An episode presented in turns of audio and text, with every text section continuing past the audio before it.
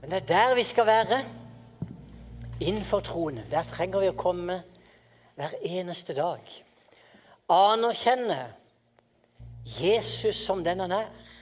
Tro at den levende Gud er så stor som det står beskrevet, som det står åpenbart i Bibelen. Det er der vi må være. Og det er det de synger i himmelen. Sangen for lammet. Løven av Juda. Det er han som han ser, den kraftfulle. Men når han får et nytt syn, så er det lammet. Det er lammet som seirer. Det er lammet som har all makt i himmel og på jord.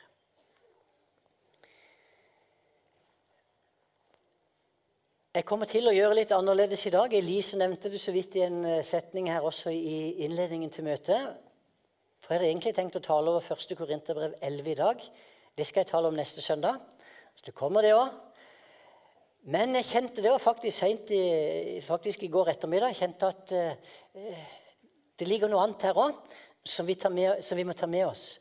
Vi, nå hadde vi jo eh, Noen eh, av dere her og noen andre som ikke er her òg, var med på en undervisning her på onsdag kveld der vi hadde temaet 'Den åndelige verden', og der vi tok tak i litt av det som rører seg rundt oss, hvordan vi skal forholde oss til at eh, det faktisk også finnes ånder i denne verden som ikke er av Gud, og som ødelegger for mennesker.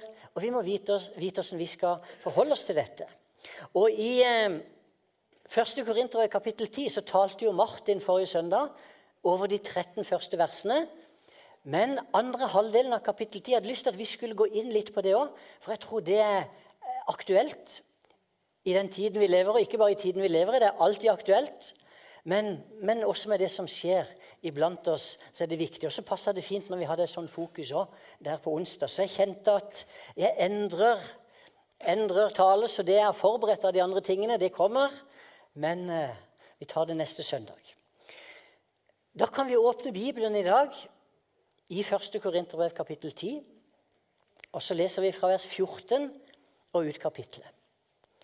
1. Korinterbrev kapittel 10 fra vers 14. Og når Bibelen er åpen, så taler Gud. Og når Gud taler, så skjer det noe. Og vi takker deg, Jesus, for at også denne søndagen kan vi forvente at du skal åpenbare ditt ord for oss. Takk, Herre, for at du er her. Og jeg ber om at vi virkelig skal få tak i hva som er hensikten med disse versene vi skal lese nå, i Jesu Kristi navn. Amen. Da leser vi sammen. Derfor, mine kjære, hold dere langt borte fra avgudsdyrkelsen. Jeg taler til dere som til forstandige mennesker. Bedøm selv det jeg sier. Velsignelsens beger som vi velsigner, gir det ikke del i Kristi blod? Brød som vi bryter, gir det ikke del i Kristi kropp? Fordi det er ett brød, er vi alle en kropp. For vi har alle del i det ene brød. Se på Israels folk. Har ikke de som spiser av offeret, del i det som skjer på alteret? Sier jeg med dette at avgudsoffer virkelig betyr noe, eller at en avgud virkelig er noe? Nei, slike offer blir ofret til onde ånder, og ikke til Gud. Og jeg vil ikke at dere skal ha fellesskap med de onde åndene. Dere kan ikke drikke både Herrens beger og de onde ånders beger. Dere kan ikke delta både ved Herrens bord og ved de onde ånders bord. Eller våger vi å utfordre Herren til harme? Er vi sterkere enn ham? Jeg har lov til alt, men ikke alt tjener til det gode. Jeg har lov til alt, men ikke alt bygger opp. Ingen må søke sitt eget beste, men den andres beste. Alt kjøtt som selges på torget, kan dere spise med god samvittighet og uten å spørre hva det er. For jorden og det som fyller den, hører Herren til. Hvis en ikke-troende inviterer dere, og dere sier ja til å komme, så spis, oss, spis også da med god samvittighet alt som blir satt fram uten spørsmål. Men om noen sier 'dette er offerkjøtt', så spis det ikke av hensyn til den som sa det, og for samvittighetens skyld. Jeg mener da den andre samvittighet, ikke din. For hvorfor skal min frihet bli dømt av en annen samvittighet? Hvis jeg tar imot dette med takk, hvorfor skal jeg da klandres for det jeg takker Gud for? Men enten dere spiser eller drikker, eller hva dere enn gjør, gjør alt til Guds ære. La verken jøder, grekere eller Guds kirke få noe å utsette på dere. Selv prøver jeg på alle måter å komme alle i møte. Jeg søker ikke mitt eget beste, men alle de andres, så de kan bli frelst. Amen.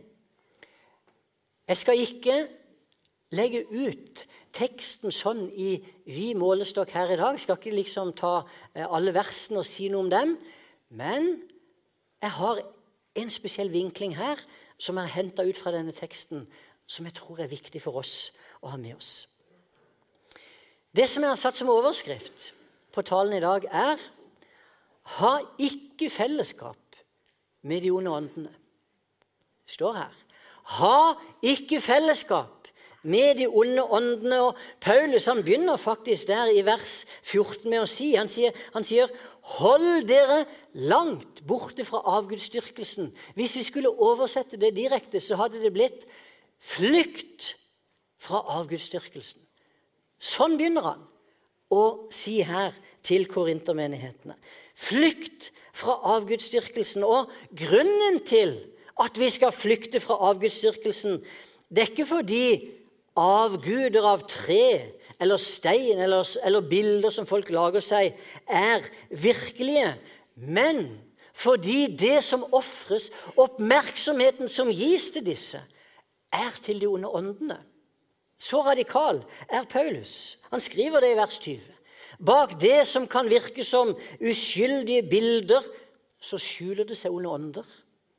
Derfor er det han formaner korintermenigheten. Dere må for all del hold dere borte fra, flykt fra alt som har med avgudsdyrkelse å gjøre. Og Paulus han setter jo i det vi leste, opp som en veldig motsetning. Det som har å gjøre med fellesskapet med Herren, med Jesus, og det som er fellesskapet med de urene åndene. Det er totalt uforenlig. For de har ingenting felles. Og Derfor så må ikke en som har tatt imot Jesus som Herre og Frelser, finne på å lefle med ting som har med avgudsdyrkelse å gjøre, fordi da søker du kontakt med djevelen og hans engler.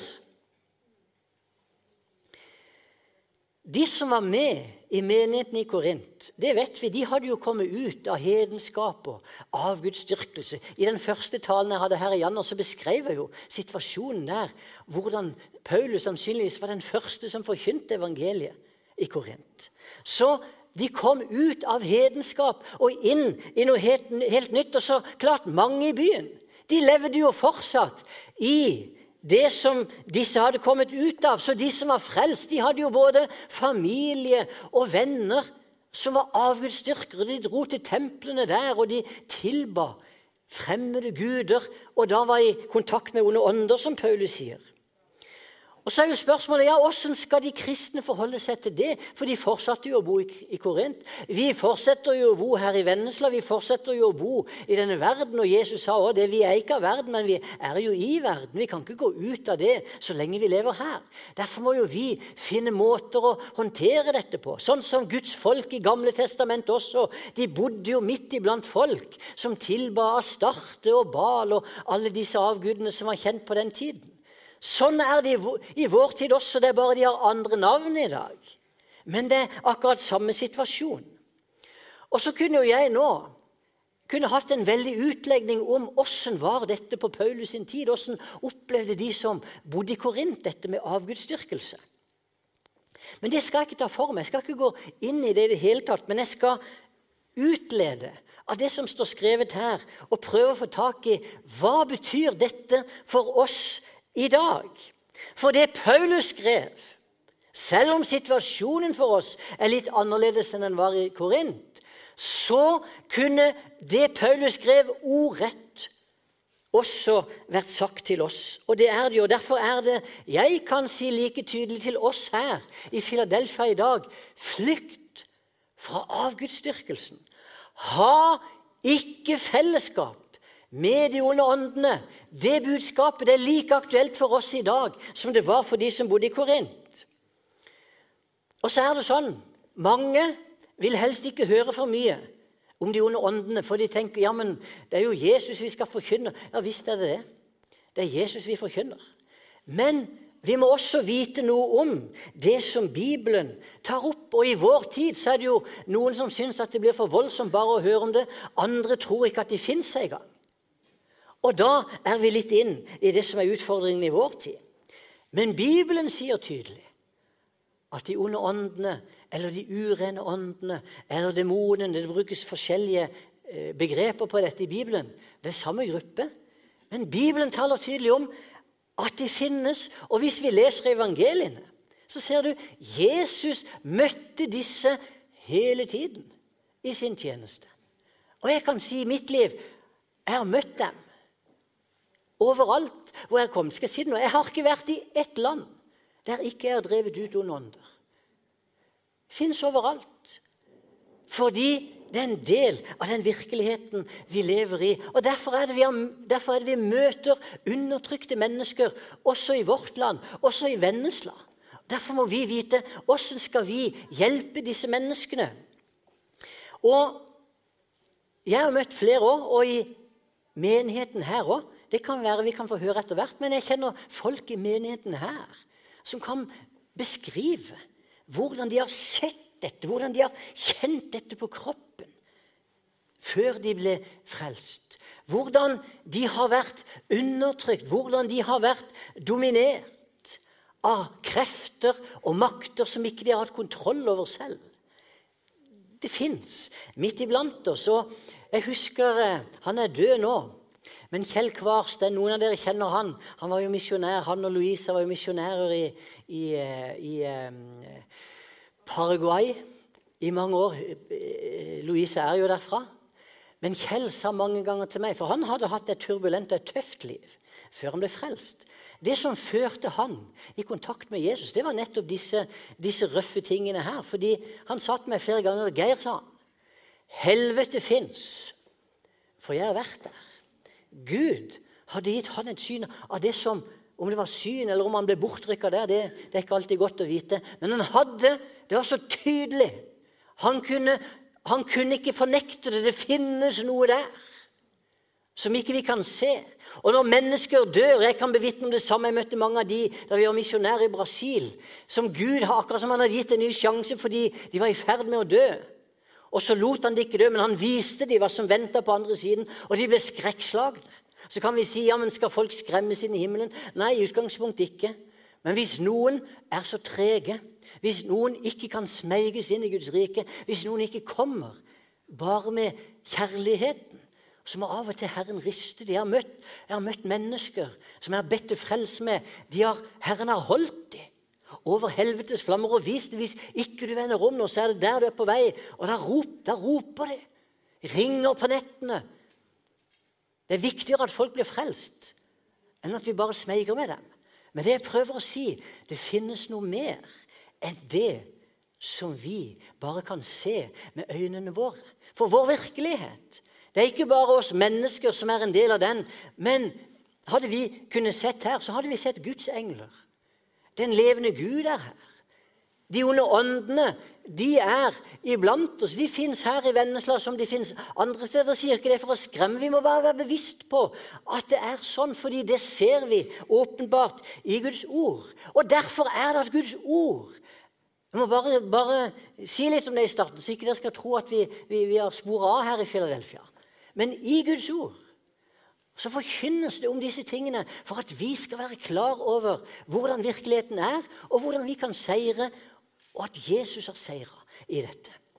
Djevelen, for eksempel, som er den som er en engel For alle de onde åndene de er engler som har falt. Og djevelen selv er en engel som ble skapt god, men som falt. Dette kan vi lese om i Guds ord. og Vi skal ikke gå i detaljer på det, men bare forholder oss til at det sies. Djevelen er nevnt med minst 40 navn og titler i Bibelen. Han er omtalt mange steder. Og hvis vi tenker englene alt som det snakkes om engler i Bibelen, så er faktisk djevelen, den engelen, han er mer omtalt enn alle de andre englene til sammen. Også om du tar med Gabriel og Mikael, som er Guds engler. Hva er det jeg vil fram til? Jo, i Guds ord så blir vi ført inn i en lære om dette for at vi skal vite hvordan vi kan forholde oss til det. Og Siden det er en del av Bibelen, så må vi av og til også gi undervisning om dette, sånn at vi som Guds folk kan stå rusta. Og så er det altså sånn, som Paulus sier, det er en kobling mellom avgudsdyrkelse og fellesskapet med de onde åndene. Og derfor er det så viktig at vi vet hva er det han snakker om. I Norge i dag, i Kristiansand, området rundt her, så skjer det ting som har å gjøre med dette. For noen år tilbake så, så møtte jeg ei dame som jeg fikk være med å befri. Mange onde ånder som var i henne. Hun var del av et fellesskap i Kristiansand. De kalte seg hvite hekser. Og de kalte seg hvite hekser fordi de trodde at de hadde kontakt med lyset. De trodde det de gjorde, var godt. Men skal jeg si det nå? Når vi snakker om dette, så fins det ikke noe som er hvitt. Vi kan snakke om hvit magi og svart magi. All, all, magi er svart. Alt det som de holder på med der. De kunne kalle seg hvite hekser og trodde de hjalp og, og, og var gode mot mennesker. Når hun møtte Jesus, så ble det avslørt. Det var svart, og det var mørkt. Hvorfor har eh, buddhister etablert seg her i Kristiansand. For det har de gjort. Det jeg skal si nå, det høres kanskje sprøtt ut. Men jeg, for noen år tilbake, vi hadde kontakt med ei dame, ei, ei eh, dame i Sverige, og ei, ei gammel dame nå, som har jobba med misjon og vært mye inn i Østen og sett på hvordan dette forholder seg med religionene der. Og hun hadde, hun hadde kommet over noen dokumenter som ikke hun skulle se. Men der hadde buddhistene de, de hadde en strategisk plan med å plassere buddhister i Kristiansand. Hvorfor det? Fordi de hadde hørt om det vi kaller bibelbeltet. De hadde sett at i Norge så er Sørlandet og området her det er et område der det er mange kristne, der det er mange menigheter. Det vet vi at det er.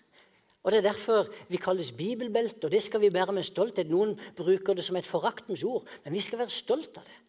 Men de har hatt en strategisk plan med å plassere folk der. De vil helt sikkert nekte, men hun kom over dokumenter. Hun var en sånn misjolog og hadde fått tak i dette. Så jeg bare sier dette må vi være klar over, ikke for at vi skal gå rundt med frykt. Vi skal ikke være redde for dem. På ingen måte. Og vi kan det skal vi komme tilbake til. Vi kan spise med, vi kan prate med, vi kan ha besøk av hvilke som helst folk, uansett hva de kaller seg. For det er mennesker som Gud elsker. Men vi må være klar over at noen mennesker de er påvirka av ånder uten å vite det. De har spora av uten at de vet at de er på villspor. Men vi setter ikke noen grenser i det. Han som er i oss, er jo større enn han som er i verden. Derfor kan jo du gå til hvem som helst. Du kan invitere hvem som helst inn i ditt hjem uten at du skal være redd for at du blir besmitta av noe. Når du har troen på Jesus, og du vet at han som er i deg, er større enn han som er i verden, da er det jo du som skal være med å påvirke dem, og ikke bli inntatt av, av dette her. Så det, det må jeg bare slå fast med en gang. Det er ikke det som det handler om i det hele tatt. Men det handler i dag om ta avstand fra avgudsdyrkelse som leder til fellesskap med de onde åndene. Det sier Paulus til korintermenigheten. Hvordan skulle de forholde seg til virkeligheten de levde i? Hvordan skal vi forholde oss til det som er her? For Paulus sier òg dere kan ikke drikke både Herrens beger og onde ånders beger. Dere kan ikke delta både ved Herrens bord og ved de onde ånders bord. Og Hvordan kommer da dette til uttrykk i vårt land, dette med avgudsdyrkelse? For det første jeg skal ta, skal ta tre, tre, ting, eller tre slags grupper her. da. For det første er det selvsagt én gruppe i vårt land som dessverre, må jeg si, har vokst og vokst de siste årene. Men det er mennesker som tilber andre guder enn Israels gud. De finnes midt iblant oss. Og det å tilbe en annen gud enn Israels gud, det er selve grunnsynden i verden. Det er det som er på en måte selve avgudsdyrkelsen. Det at det finnes en sann Gud som har skapt alle mennesker for at vi skal tilbe ham. Når vi tilber andre guder, så er det avgudsdyrkelse. Og Derfor er jo også det første budet som Moses fikk på Sinai, var du skal ikke ha andre guder enn meg. Og dette er noe som Gud har lagt ned i alle, alle, mennesker. Guds vesen er av en sånn karakter at det kan umulig finnes mer enn én av hans lag. Så spesiell er Gud. Det er umulig at det kan finnes noen andre. Helt umulig. Og det har Gud lagt ned i, menneskene. Og derfor er det sånn at hvis mennesker da dyrker andre guder, så har de ingen unnskyldning. For egentlig, bare med å se på skaperverket, sånn som Paulus skriver i Romerne 1 For det en kan vite om Gud, ligger åpent foran dem. Gud har selv lagt det åpent fram. Hans usynlige vesen, både hans evige kraft og hans guddommelighet, har de fra verdens skapelse av kunnet se og erkjenne av hans gjerninger. Og Derfor har de ingen, ingen unnskyldning. De kjente Gud, men likevel lovprist og takket de ham, ikke som Gud. Med sine tanker endte de i tomhet. Og så fortsetter Paulus å legge ut hva som er konsekvensen av det. Men det er åpenbart. Gud er så stor, og det han har gjort, er så stort at menneskene i seg selv, sånn som Gud har skapt dem, skal kunne forstå at det finnes bare en Gud. Men når menneskene gjør opprør, så dyrker de andre guder. Og Derfor er det Paulus skriver de bytter ut den, den, uforgjengelige Guds herlighet med bilder av forgjengelige mennesker, fugler, firbeinte dyr og krypdyr. Det er grunnsynden. Og Derfor er det når Gud sier at ikke de skal tilbe noen annen Gud, for Herrens navn er nidkjær. Han er en nidkjær Gud. Et av Guds navn er nidkjær. Og det hebraiske ordet, som vi oversetter ofte med nidkjær i våre bibler, det betyr også sjalu. Gud sier det. Jeg, 'Dere skal ikke andre guder enn meg, for jeg er en sjalu Gud.' Gud har skapt menneskene for at vi skal leve tett sammen med ham. Uansett hvor de bor på kloden, uansett hvilken religion de har rota seg inn i. Men utgangspunktet er Gud har skapt oss for å tilbe og hylle ham, og faktisk at vi skal være hans ektefelle. Det er jo det som er tanken.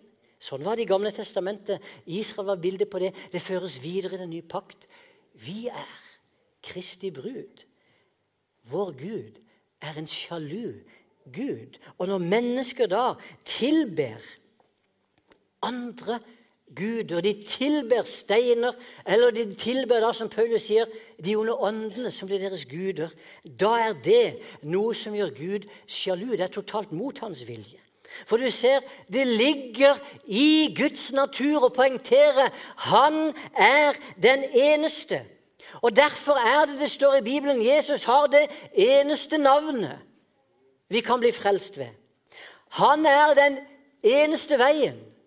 Den eneste sannheten. Han er det eneste livet. Vi kunne tatt vers etter vers. For Jesus er Gud. Det, det som ligger i Guds natur, føres jo da videre i Jesus og kommer til uttrykk ved ham. Han er den eneste vi skal be til. Og det som da er, og det jeg sier nå, det er radikalt, men det er sant. Det betyr at ethvert menneske som ikke tilber Jesus som Herre og Frelser, eller som ikke tilber Jesus som den eneste Herren og Frelseren, er en avgudsdyrker. Uansett åssen religion de tilhører, uansett om de kaller seg kristne og de sier at ja, men det finnes jo flere muligheter enn bare Jesus Uansett da er du en avgudsdyrker, og da kommer du under det Paulus sier her i dag. Da dyrker du, da tilber du de onde åndene. Og Det betyr vi skal elske muslimene som kommer, vi skal elske buddhistene som etablerer seg her inne. Men de tilber de onde åndene. Derfor kan vi aldri be sammen med en muslim. Det blir helt feil, fordi han tilber en helt annen gud enn vår Gud. Og vi skal ikke frykte de andre religionene. Det jeg sier her i dag, det har ingenting med at jeg taler mot innvandring. Aldeles ikke. Jeg har alltid hatt en åpen holdning til det. Fordi vi trenger ikke frykte det hvis vi kristne kommer på banen. Det når vi kristne er passive, når vi kristne trekker oss tilbake.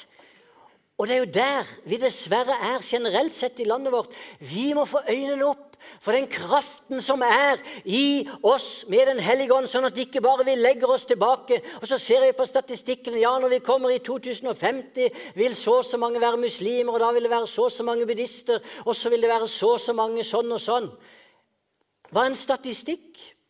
Det er ut ifra sånn som det er i dag, men det kan endres. Derfor er det jo viktigere enn noen gang at vi som tror på Jesus, vi kommer på banen, for det er fullt av avgudsdyrkelse i landet vårt. Ta opp, ta opp eh, eh bildet, Viktor. Disse dagene så feirer jo muslimene sin høytid. Og, hadde, og NRK sender jo masse programmer om dette. Det er det som vår virkelighet er en del av. Dette er tatt for et par dager siden i Stockholm, der mennesker ber til sin Gud. Det er mennesker som tilber, ikke den levende Gud. Men de tilber det som Paulus sier, det er demonene. Og det er ikke sånn at Nå skal vi gå og si til enhver muslim du, du tilber en demon. Det er ikke sånn vi vinner hjertet. Men vi må være klar over hva er det som skjer.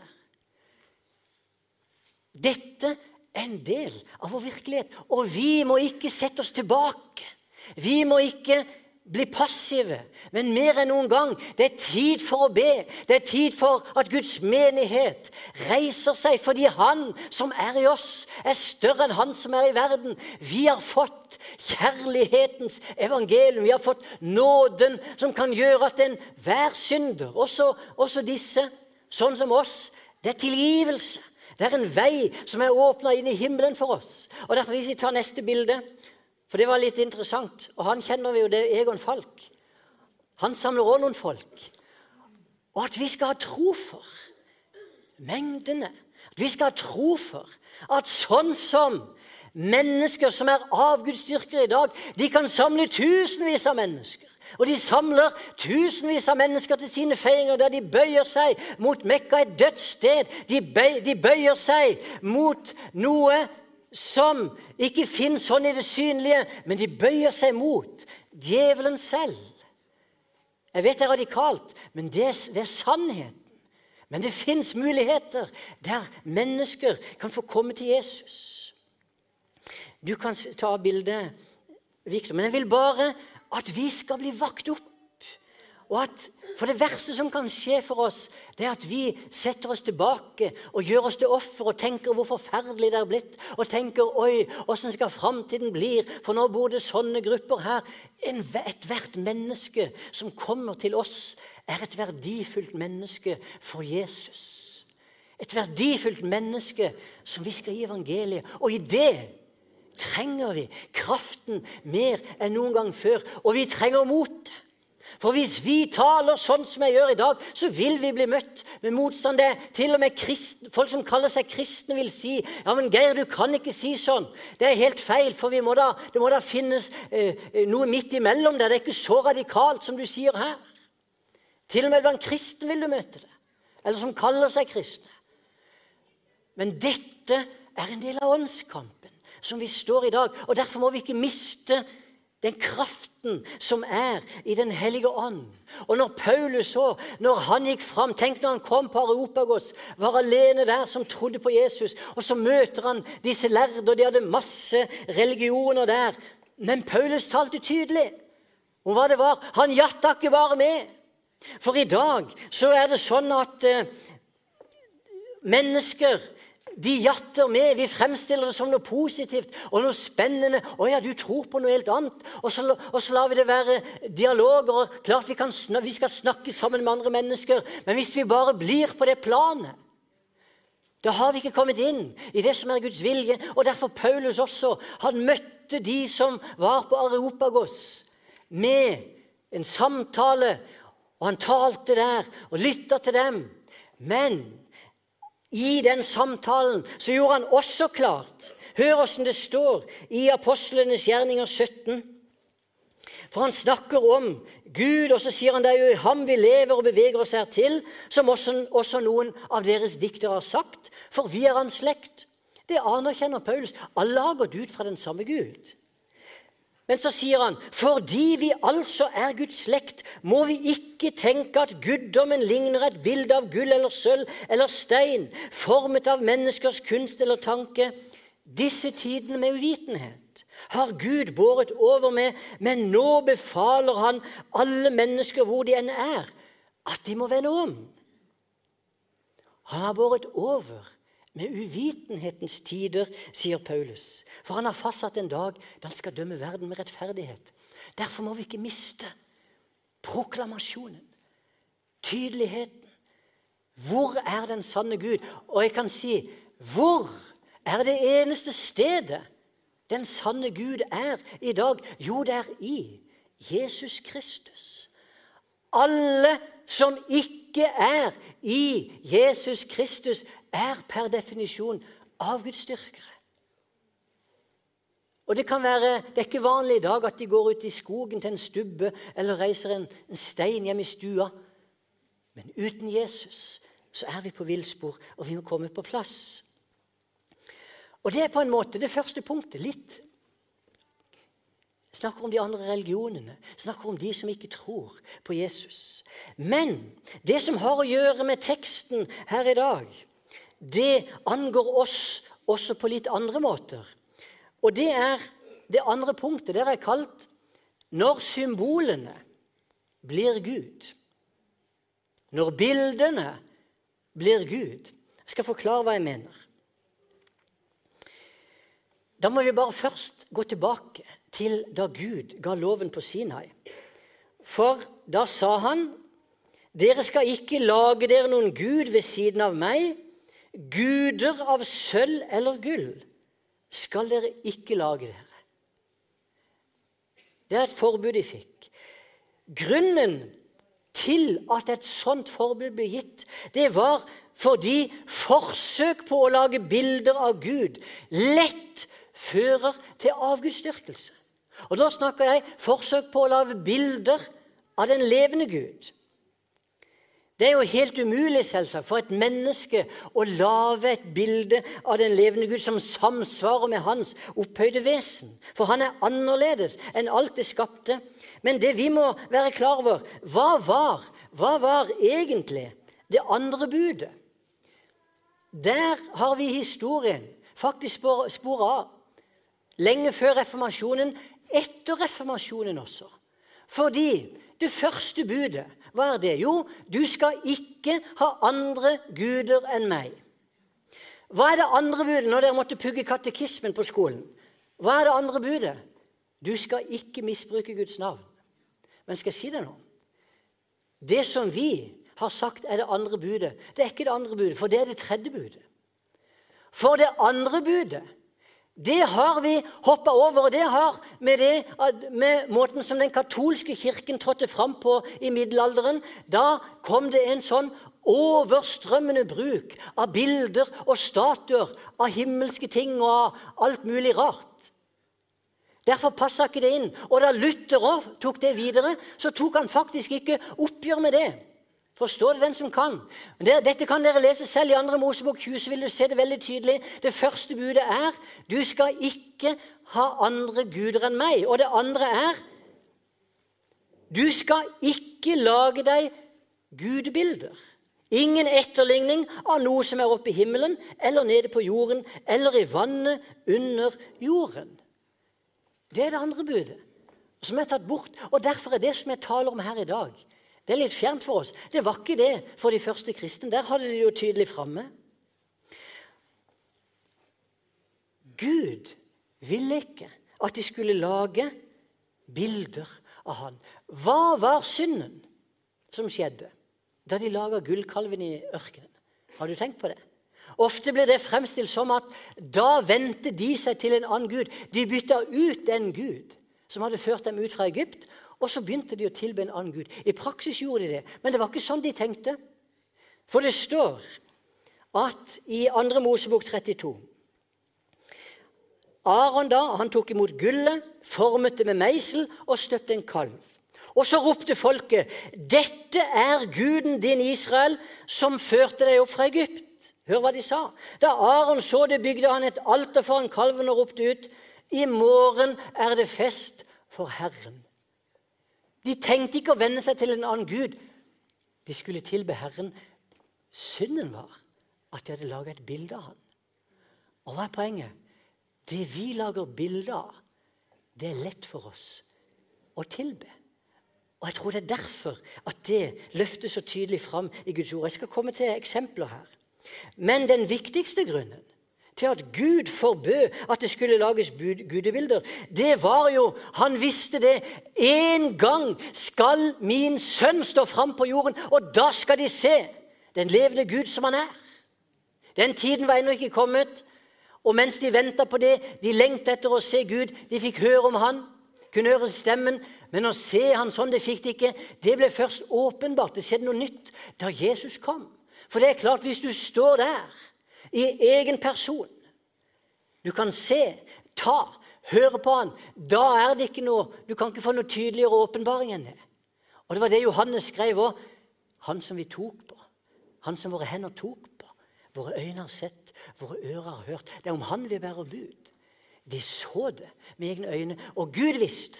En dag skal min sønn stå fram. Derfor må ingen forkludre det bildet med bilder som ikke stemmer. Når vi har å gjøre med det ekte, da trenger vi ikke symbolene lenger. For du ser, vi mennesker trenger vi bilder. Ja, kan, kan bilder være noe godt? Ja, vi bruker selv bilder. Vi har påskespill, vi har julespill Vi kan bruke bilder for å få fram det som er Guds ord. Og det skal vi fortsette å gjøre. Så jeg tar ikke bort det. Og mange kunstnere de maler flotte kunstverk. Det gleder vi oss over. Det har vi jo her i menigheten nå. Fantastiske kunstverk som er malt av mennesker som tilhører her. Ta, ta, ta påskespill og julespill. Det er jo Olga som har malt alt. Det er jo helt fantastisk. Så det heier vi fram. Så det er ikke det jeg snakker om. Men jeg snakker om det som blir laga, det som blir malt, som et sted du kan gå for å be. For det gjør mennesker i dag. Og vi mennesker vi klarer så dårlig å skjelne mellom det som er et symbol, og det som er ekte. Sånn var det også med kobberslangen som Moses lagde i ørkenen. Det var Gud som sa han skulle lage den, og den hadde en funksjon da Moses spikra, meisla og hamra på den så ble det reist en sånn stor kobberslange der, og de som så på den, de berga livet. Det var en stor velsignelse. Men etter hvert så vet vi at den kobberslangen, det ble noe de ba til. For det hadde skjedd et fantastisk under der. Og så tok de den med seg i historien. Og når vi kommer ut i andre kongebok, kapittel 18 på Hiskias tid Han var jo en av de store reformkongene. Det står han måtte ødelegge den. For folket ba til den slangen. For hør et symbol i seg selv er verken godt eller vondt. I utgangspunktet, Gud kan bruke det for å gjøre sitt verk. Men vi må passe på at ikke det blir noe som blir vår Gud. Vi så det, Hilde og jeg, da vi bodde i Brasil. Der så vi det tydelig hele tiden. Det som var et krusifiks, det som var et bilde av Jesus, det som var et bilde av jomfru Maria som de hang på veggen. Var det noe galt nødvendigvis å ha bilde av det? Nei, ikke i seg selv. Men det som ble galt, var at de gikk til det stedet. Det krusifikset. Det ble som et hellig sted. Det var der de ba. De trodde det var det som ga dem beskyttelse. De trodde det var det bildet som hang der av Jesus. Det ble deres Gud. Vi måtte hjelpe mange for at de skulle bli fri og brenne opp disse tingene. Vi måtte knuse det, sånn som kobberslangen egentlig var god i utgangspunktet. Det var noe positivt, for Gud ga helbredelse gjennom det. Det ble en avgud for dem. Og det står vi i fare for også, hvis vi da bruker sånne bilder. Det er ikke noe galt å ha et krusifiks hengende på veggen, men hvis det krusifikset blir det stedet du tror du får bønnesvar. Hvis du tror det er en større sjanse for å få bønnesvar gjennom det bildet som henger der av Jesus, så er det blitt en avgud for deg. For Jesus er jo ikke det bildet. Han er noe helt annet. Og Jeg kunne gitt mange eksempler på det. og Derfor er jeg tilbakeholden, derfor er jeg tilbakeholden også når mennesker kommer og spør om jeg kan lage en salveduk for dem. Helle på olje, og så skal de ta den med og legge på noen syke. Har Gud brukt sånne ting? Ja, men det, ordet salveduk finner du ikke i Bibelen. Det var jo eh, forklærne, arbeidsforklærne. Det var jo svettedukene til Paulus som de tok og la på de syke, og så ble de friske, og demonene gikk ut. Går det an å salve en duk og legge den på folk, og så kan de bli friske? Ja, men vi må ikke lage en teologi ut av det. Vi må ikke lage en lære ut av det. For da for noen kan til og med en salveduk bli en avgud. Og det var det jeg opplevde da vi var i Brasil. Forsto det verset for første gang når Paulus sa det avguder fins ikke, men det er hedningene ofrer til de onde åndene. Nei, det, er hedningene ofrer til avgudene, ofrer de til de onde åndene. Det var ei dame for eksempel, hun hadde gått i en menighet hun var fattig. Og Så hadde pastoren han hadde salva et brød som hun skulle legge i kjøleskapet, sånn at hun skulle få overflod av mat. Da jeg kom inn i huset, det ligger der i mange uker, det stinka der. Og Jeg spurte hva det var. Så måtte jeg forklare hva det var. Hun var undertrykt. Det var ei dør som djevelen hadde brukt, for hun trodde det brød, det er hellig for meg, det brød hadde hun blitt rikere ikke i det hele tatt.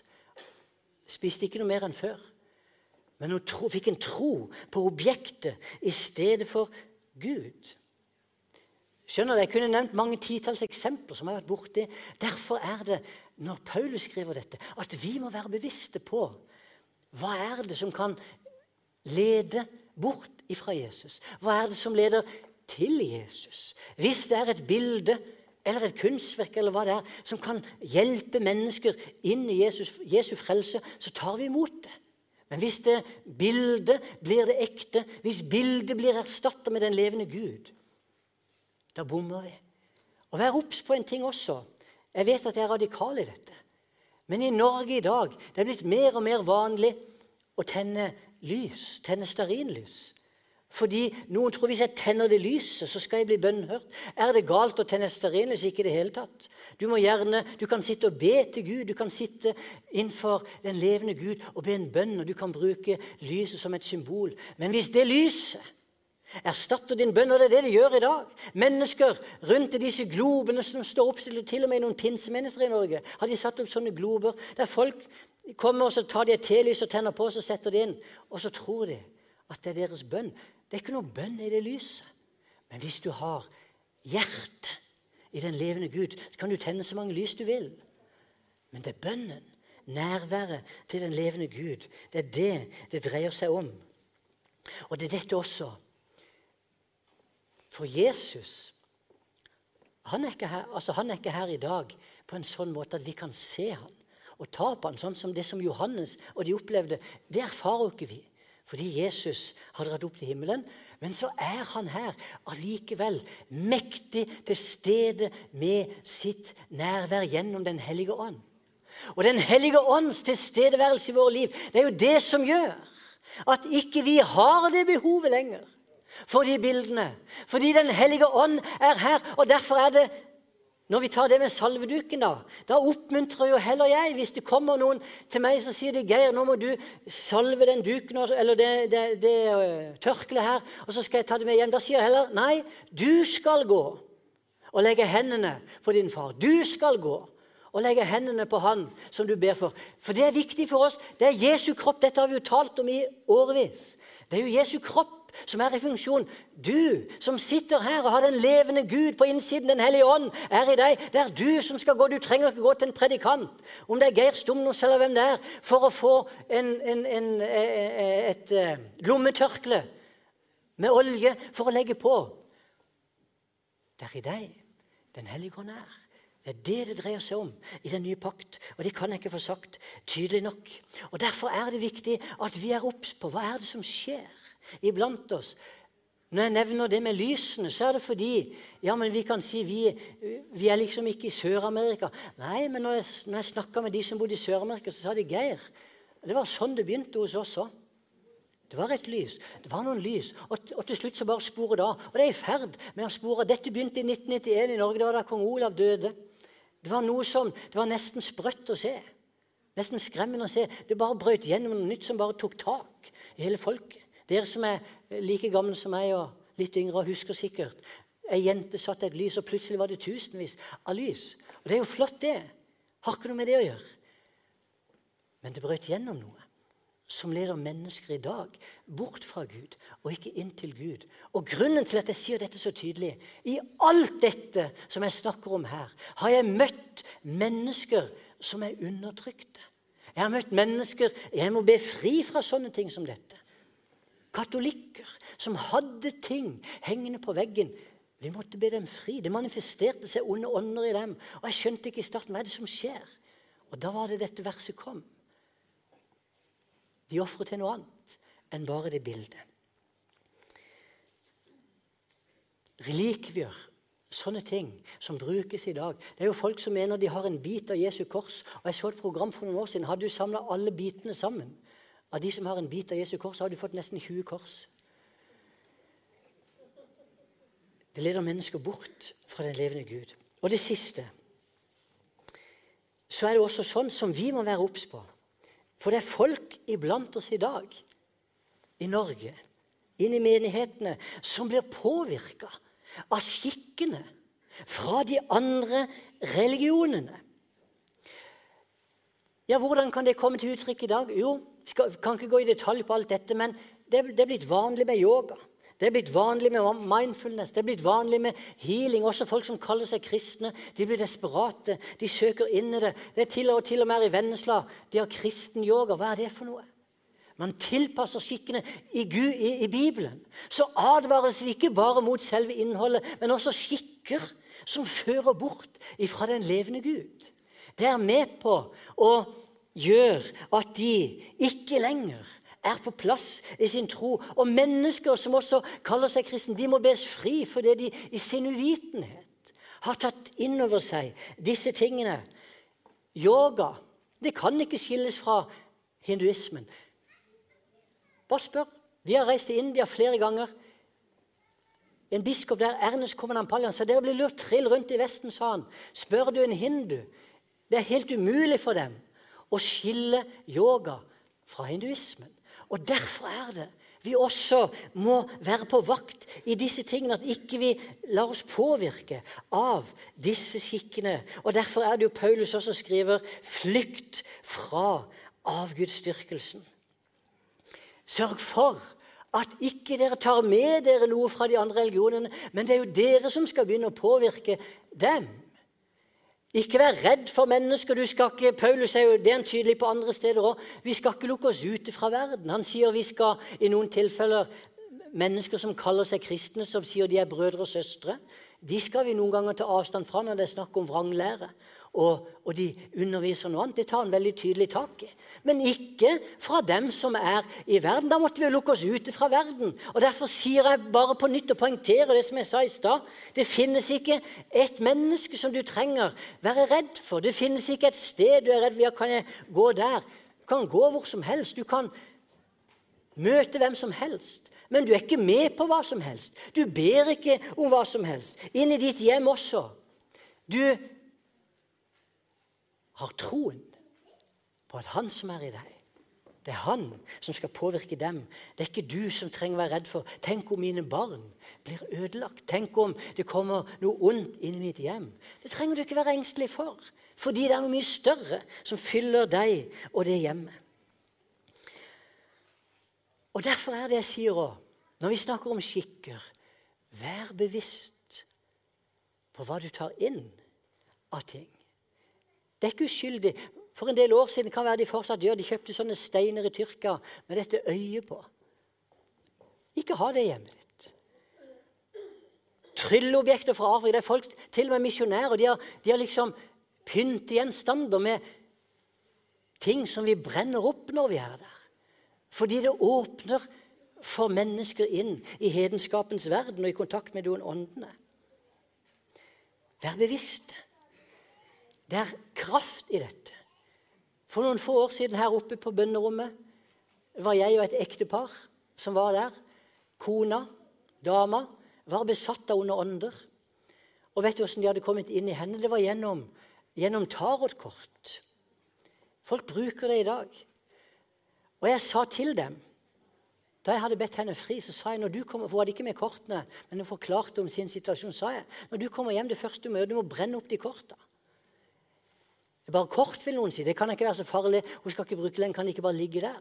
Vet du noe?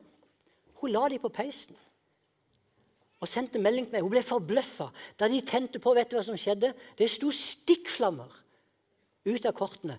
Det er noe mer enn bare kort, fordi under åndene ligger bak.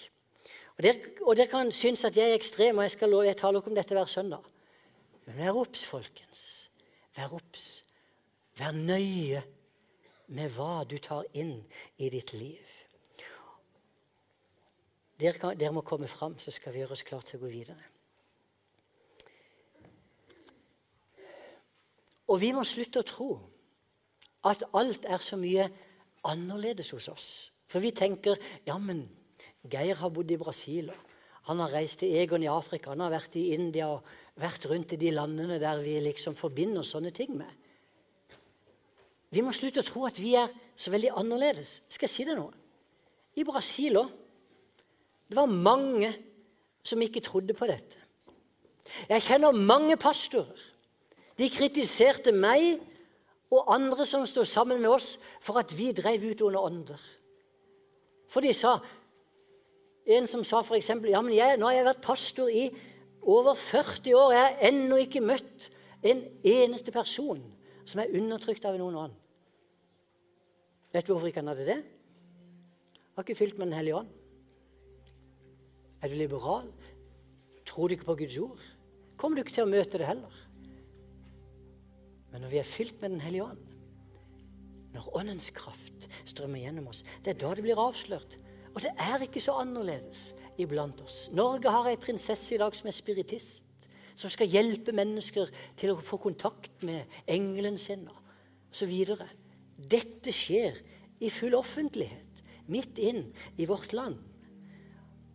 Og så er det jo aldri sånn, og det har jo jeg alltid vært en talsmann mot Vi går aldri og leter etter ånden. Det har jeg aldri gjort. Aldri sagt 'nå må dere se sånn og sånn og sånn'. Men når de dukker opp, så driver vi dem ut. Og det er bedre skal jeg si deg noe? Det er bedre at de dukker opp. Det er bedre at dette blir synlig, enn at det er skjult. Og Derfor er det vi trenger å virke i Den hellige ånds kraft. For når vi virker i Den hellige ånds kraft, så blir det avslørt. Hvis ikke det blir avslørt, kan jo folk fortsette å leve i ti år til, i 20 år til, og være plaga. Det er jo for at vi vil mennesker det beste. Det er derfor vi skal være bevisste men også derfor vi skal være tydelige der ute, sånn at de kan bli fri. Og det er ikke det. Det er ikke det som går inn i, det er ikke det som går inn i magen din, som gjør deg uren. Og Derfor trenger du ikke Og vi fikk de spørsmålene hele tiden i Brasil òg. Ja, men hvis jeg spiser noe De hadde, offer, de hadde jo innvia ofra det meste av maten, vet du. Også inn i butikkene. Folk var jo de ekstreme som ja, men vi kan ikke kjøpe mat. Hør her. Innvi det med Guds ord og bønn. Blir du invitert i selskap til noen, så bare takker du Gud. Han er sterkere. Den bønnen som er i ditt liv, den er sterkere enn all annen bønn som har vært bedt over den maten, hva det måtte være. Derfor kan du, om det er muslimer eller buddhister, og de inviterer deg, takk ja til invitasjonen. Om det er en spiritist eller hvem det er, takk ja til invitasjonen. Du kan spise der. Inviter dem inn i ditt hjem. Men vær bevisst.